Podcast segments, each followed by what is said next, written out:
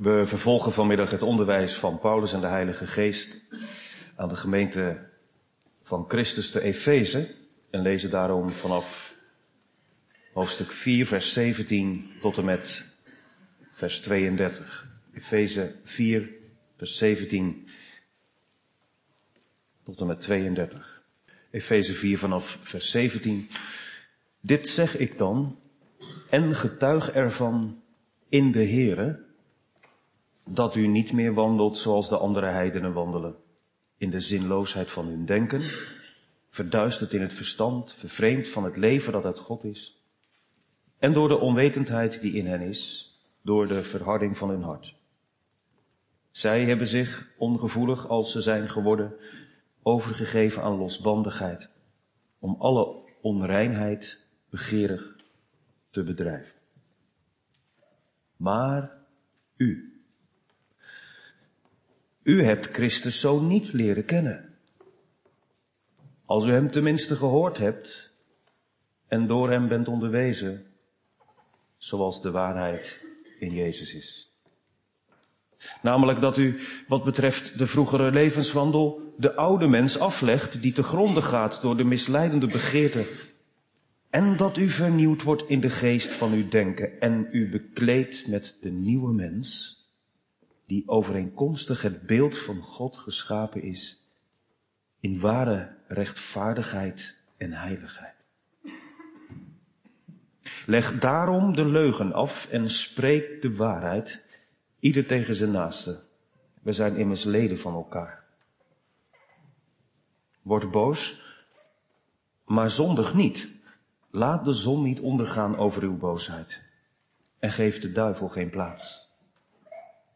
Wie gestolen heeft, moet niet meer stelen, maar zich liever inspannen om met de handen goed werk te doen, om iets te kunnen delen met wie gebrek heeft. Laat er geen vuile taal uit uw mond komen, maar wel iets goeds, dat nuttig is tot opbouw, opdat het genade geeft aan hen die het horen. En bedroef de Heilige Geest van God niet, door wie u verzegeld bent tot de dag van de verlossing.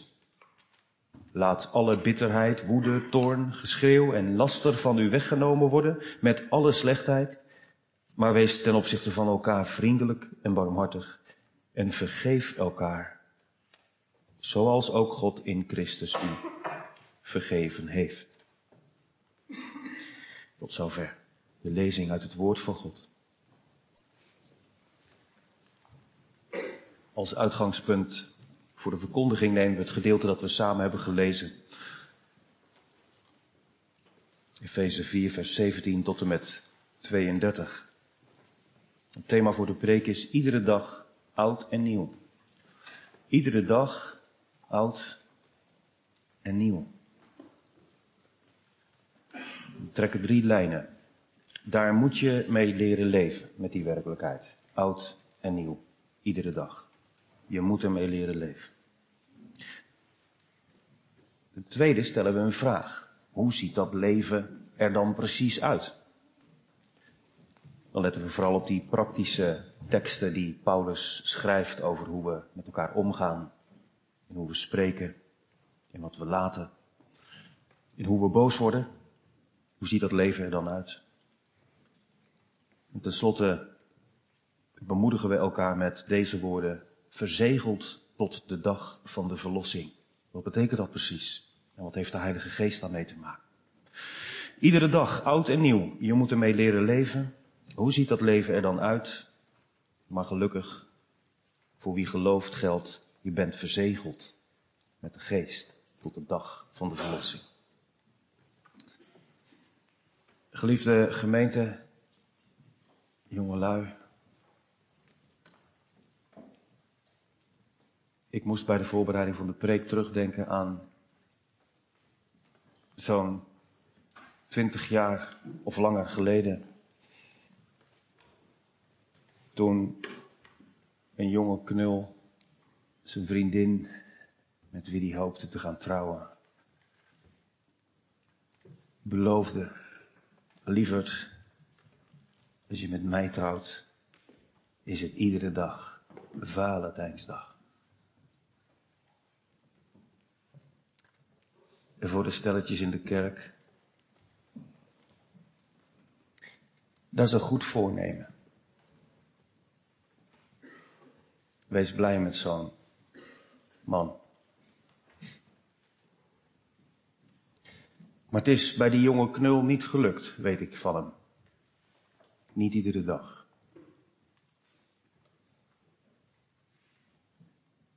Hoe komt dat toch? Jongelui, jullie weten ook hoe je ouders met elkaar omgaan. Je kent de hoogte en de dieptepunten, de mooie en de minder mooie kanten aan hun karakter. Hoe komt het toch als ik vraag aan jullie, houden je ouders van je? En ik ga even uit van een gezonde situatie. Dat jij zonder aarzelen kunt zeggen ja. Terwijl je weet van woord uh, gebruik, oneenigheid, ijzingwekkende stiltes, gespannen momenten. Ze zijn er in ieder huwelijk. Hoe kan dat toch? Dat jij zegt, pa maar houden van elkaar. Hoe kan het toch dat wij kunnen zeggen, ik houd van hem of haar. En toch, toch zijn er die momenten waar je je diep voor schaamt. En waar je elke keer als het gebeurt is je bij voorneemt, dit nooit meer. En het lukt niet. Het is niet zo vreemd dat Paulus later in deze brief en elders in de Bijbel de verhouding tussen man en vrouw als een voorbeeld geeft van hoe Jezus met ons omgaat en wij met hem. Christus belooft voor degene die in hem gelooft, man en vrouw, in hem één. Christus belooft, iedere dag zal ik er voor je zijn. Iedere keer is er liefde. 100%. Onvoorwaardelijk. Iedere dag is er vergeving.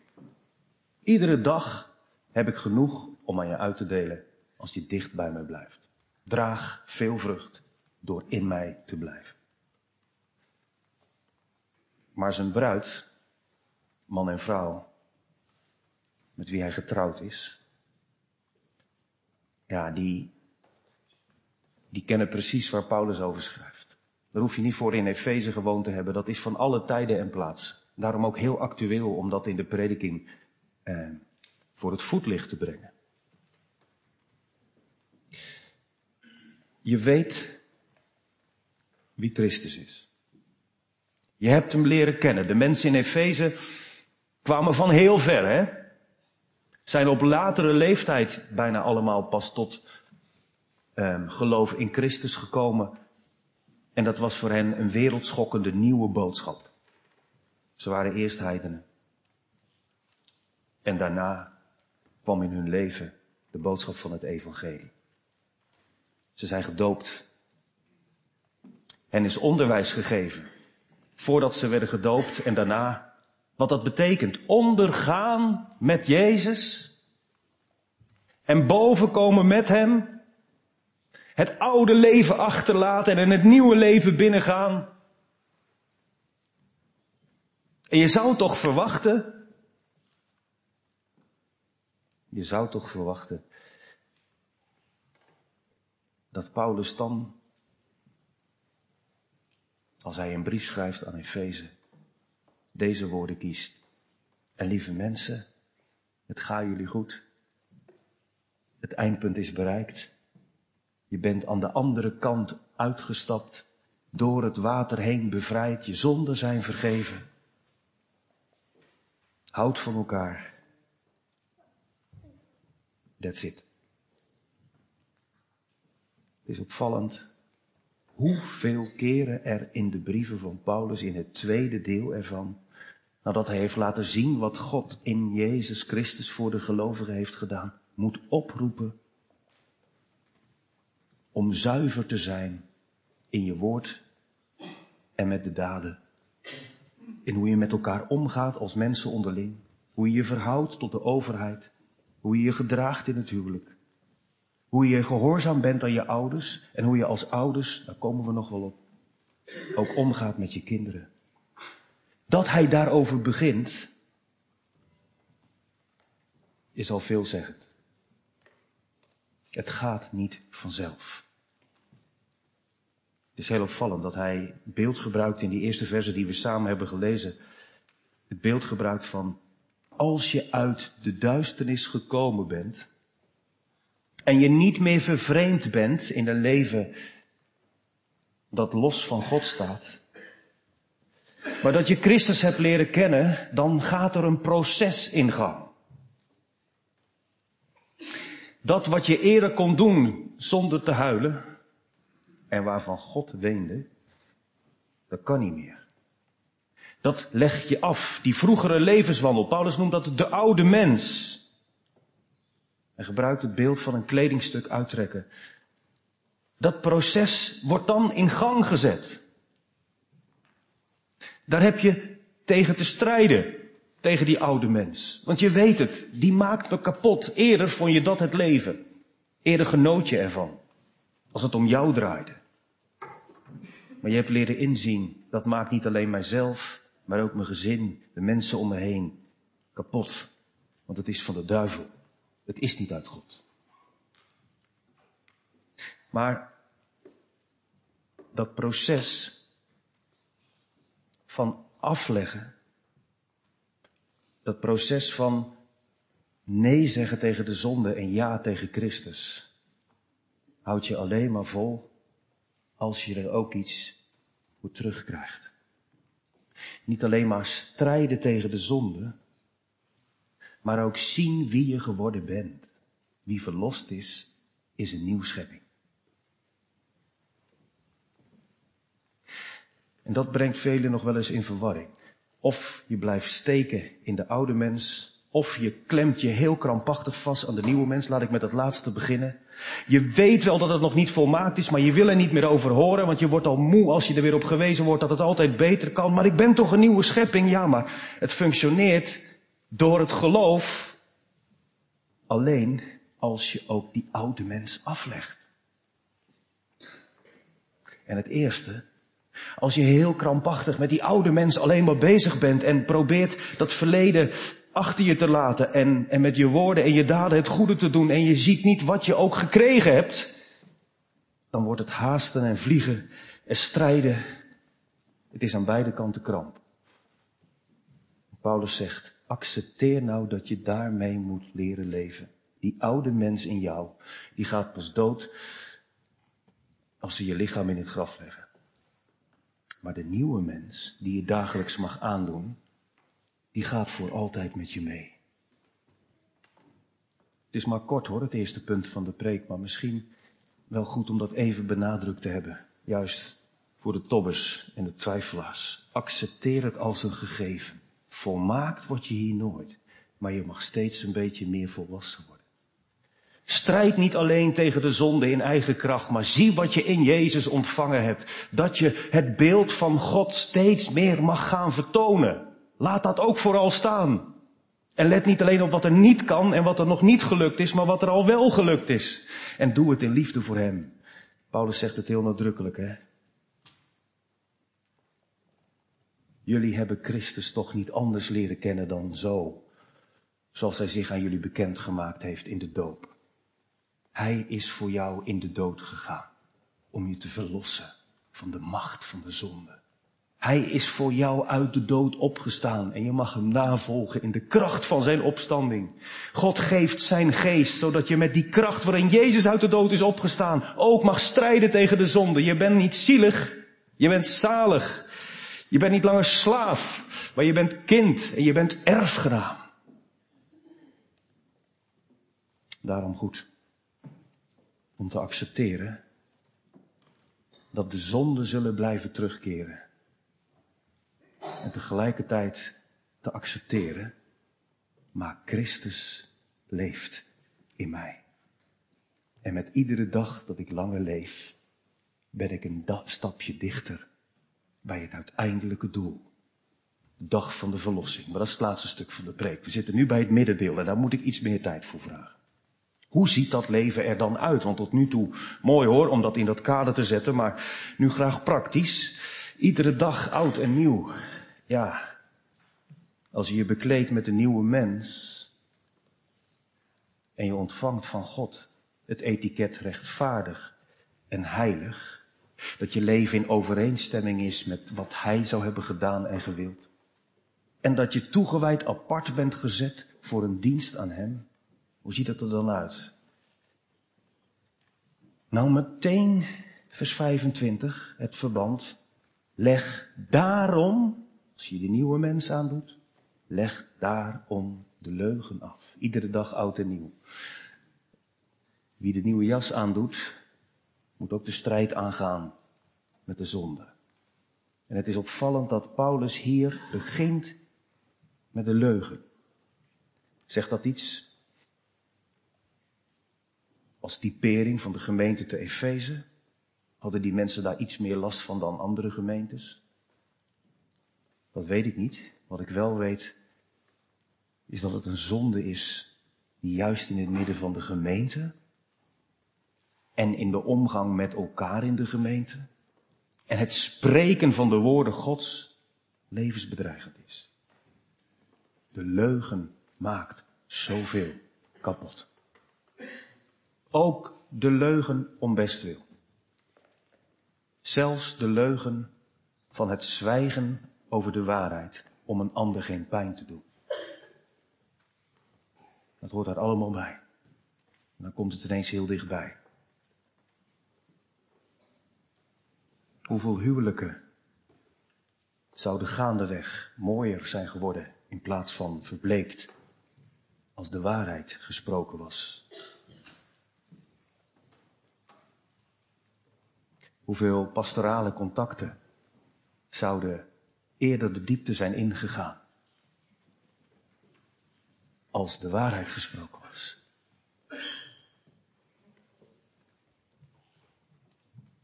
Ieder tegen zijn naaste. Niet liegen. Wees eerlijk. We zijn immers leden van elkaar. We hebben recht op de waarheid. En de waarheid is soms ongemakkelijk. Het is niet altijd makkelijk om, om naar buiten te komen in het midden van de gemeente om te zeggen ik heb hier last van of ik ben daarin teruggevallen. Ik probeer het zelf wel. Niet doen. Leg het op tafel. Kom ermee tevoren, naar voren. We zijn immers elkaars leden. Leg daarom de leugen af. Spreek de waarheid. Houd elkaar niet voor de gek, maar breng elkaar steeds bij Jezus. En dan vers 26. Ja, dat zijn van die teksten. Die spreken mensen nog wel eens uit met een knipoog. Maar dan hebben ze ze ook in stukken geknipt. Dan zeggen ze in de Bijbel staat, word boos. En dan doen ze alsof er een punt staat. En daarmee maken ze dan hun punt. Nou, dat mag je ook maken. Je mag best boos zijn hoor. In de goede zin van het woord. Als er geen passie zit in de dienst van de Here, dan wordt het uitgehold. Het was Jezus immers, die in het huis van zijn vader, het huis van gebed, iets van die heilige woede liet zien om orde op zaken te stellen. Boosheid, dat is iets wat bij het leven hoort. Buiten het paradijs. Je kunt boos zijn over onrecht. On, boos zijn over oneerlijkheid.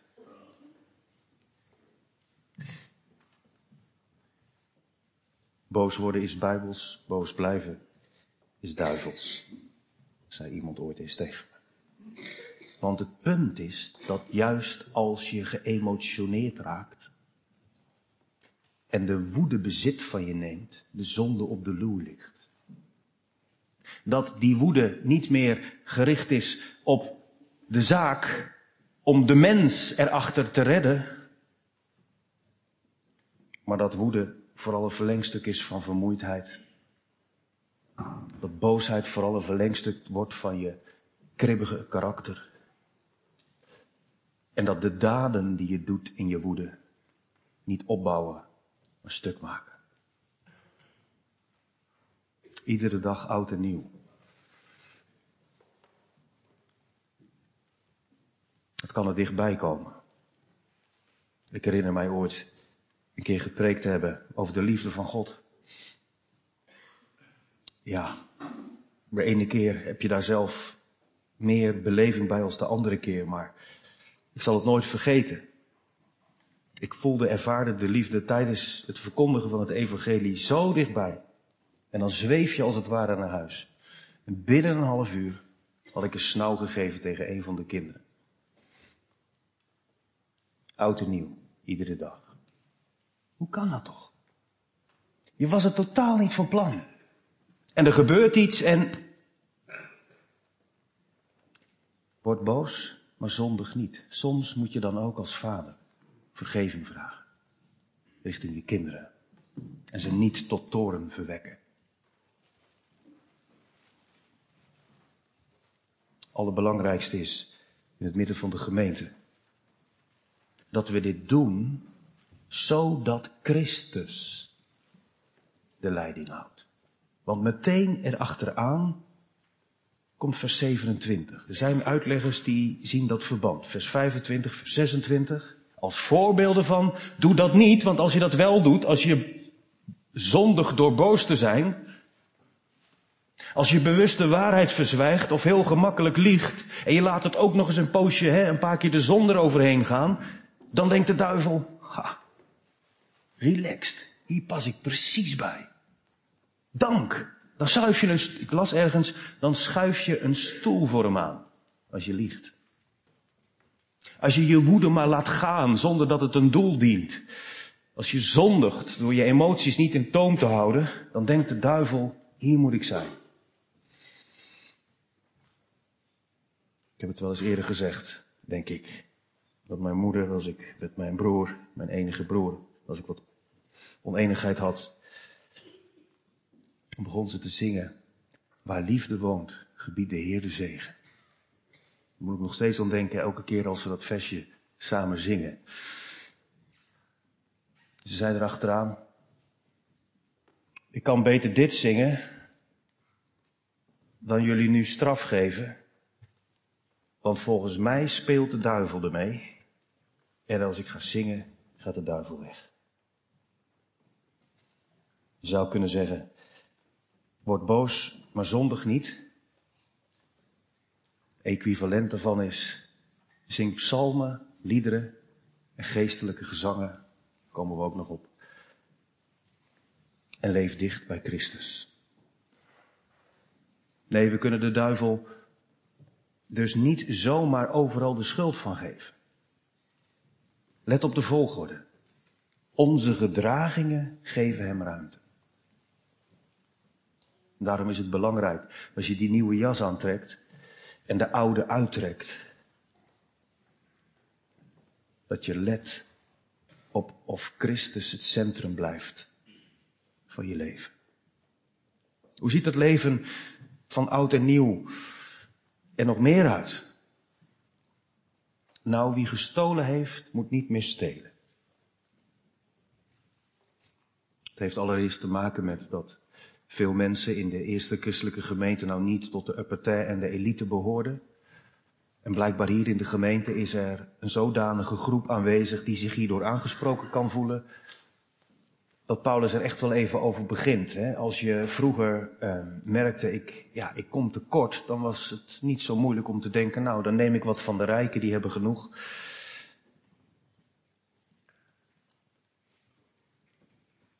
Besef dat als je het oude leven achterlaat, dat je nooit over de rug van niemand niet, ook niet van een rijke, iets van een ander pakt wat niet van jou is. Niet meer doen. Wat moet je dan doen? Want ook al ben je tot de christelijke gemeente gaan behoren, je bent niet ineens schatrijk. Nee, maar je bent wel tot die gemeente gaan behoren die elkaar in het oog houdt en die ervoor zorg draagt dat jij niet meer hoeft te steden. Omdat als je tekort komt, de gemeente gezamenlijk jouw nood gaat dragen. Ook jouw financiële nood. Dus je hoeft niet meer te stelen. Want je hebt genoeg. En wij moeten er in de christelijke gemeente zelf zo voor zorg dragen dat ook degenen die hard voor hun geld werken, maar soms tekort komen, genoeg hebben niet alleen om zelf net rond te komen, maar zelfs iets extra's hebben om weer het aan een ander door te geven. Zich liever inspannen om met de handen goed werk te doen, om iets te kunnen delen met wie gebrek heeft. Ook dat is de nieuwe mens. Leef niet ik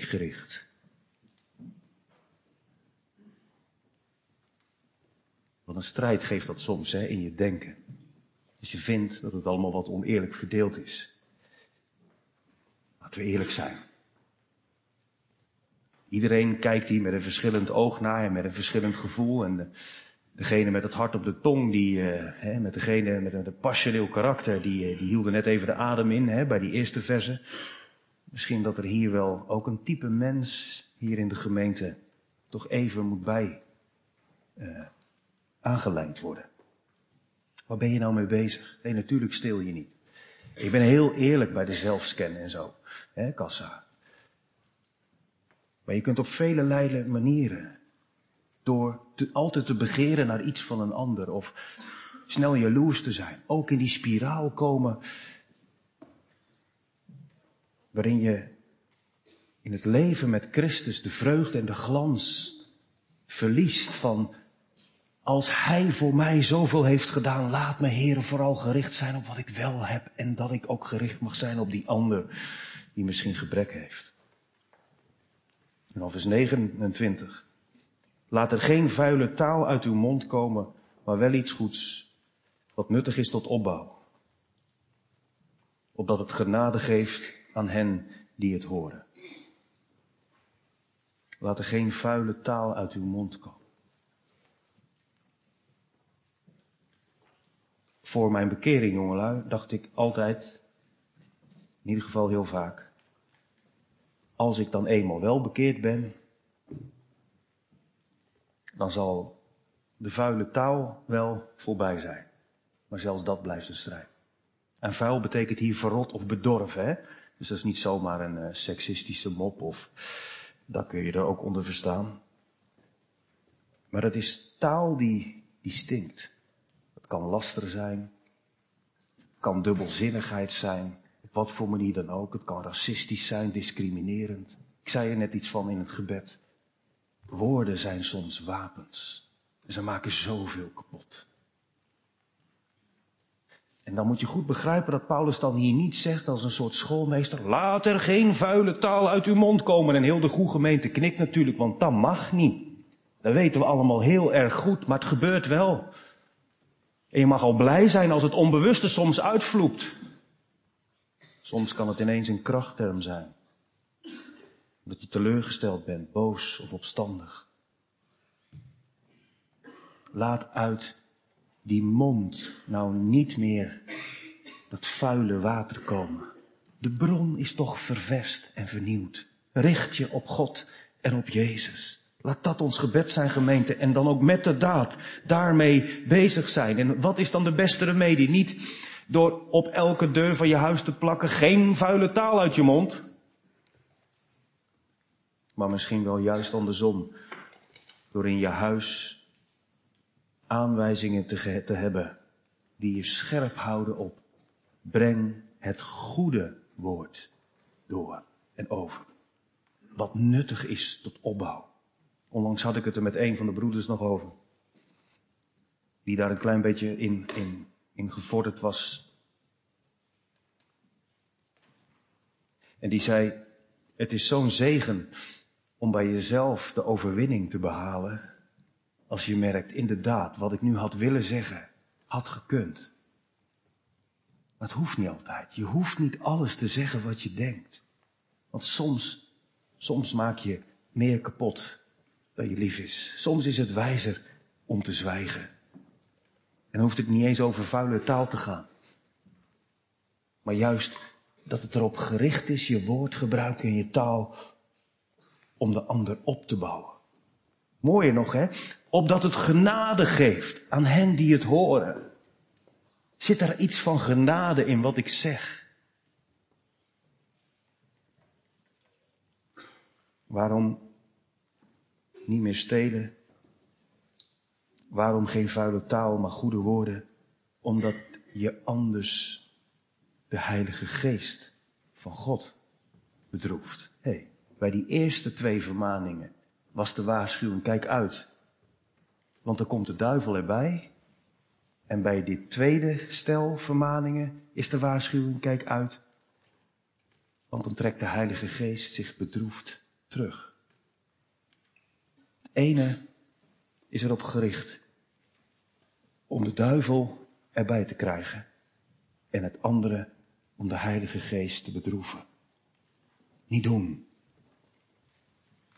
Iedere dag oud en nieuw, ja. De Heilige Geest is regelmatig bedroefd over wat hij ziet gebeuren. Maar het is geen negatieve spiraal waar niemand meer uitkomt en waarin je meegezogen wordt naar beneden. Nee, diezelfde Heilige Geest, waarvan gezegd wordt dat je hem kunt bedroeven door ik gericht te leven en door met je woorden te morsen, diezelfde Heilige Geest is aan jou als een zegel gegeven, die zit aan je vast. Dat een bemoediging is dat gemeente. Dat is ook tot slot het laatste van de preek. Je kunt zo moe worden van al die opdrachten in de Bijbel en denken, ja, maar het wordt, het wordt toch nooit volmaakt? Nee, geef dat maar aan jezelf door. Dat mag de ontspanning zijn. Dat klopt. Maar er is de belofte dat de Heilige Geest die je kunt bedroeven nooit weggaat. Die zit aan je vast.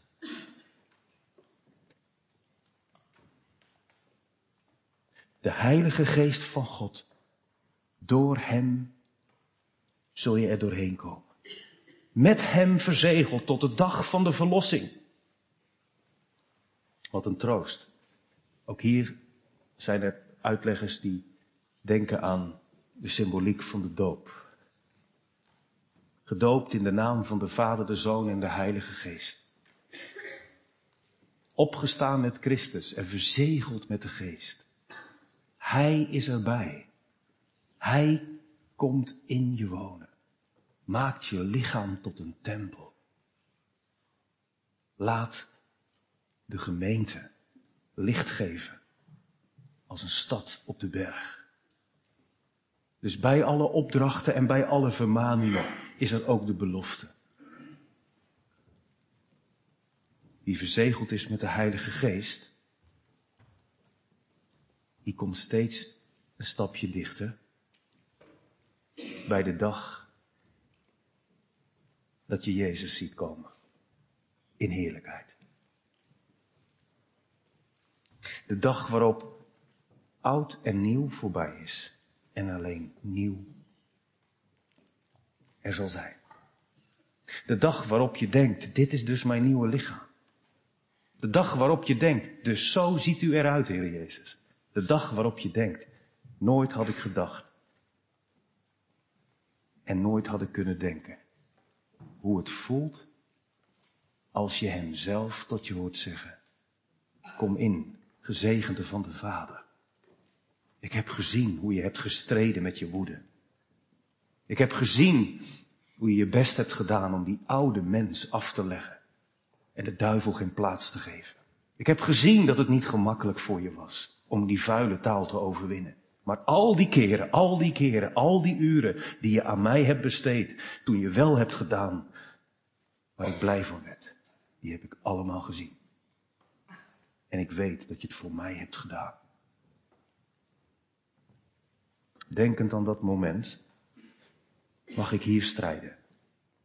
Straks, we zullen verder gaan hoor, hoofdstuk 5 en hoofdstuk 6, ik maak dat af. Straks zal Paulus het hebben over de wapenrusting. Die staat er niet alleen voor. Wie verzegeld is met de Heilige Geest, krijgt wat in handen. Maar gemeente, laten we niet naar huis gaan met de gedachte. Het was goed om dat weer eens te horen. Ook wel heel fijn praktisch. En vervolgens als conclusie te trekken, iedere dag oud en nieuw, dan moet je maar mee leren leven. Dat was het eerste punt van de preek. Maar hoe je er dan mee leeft, daar mogen we elkaar aan houden, als man en vrouw. Wees eerlijk. Weeg je woorden. Niet stelen. Leef dicht bij Jezus. En besef dat je verzegeld bent met de Heilige Geest. Want ook deze gemeente die hier in de tijd dat Paulus de brief schreef, is ermee aan het werk gegaan.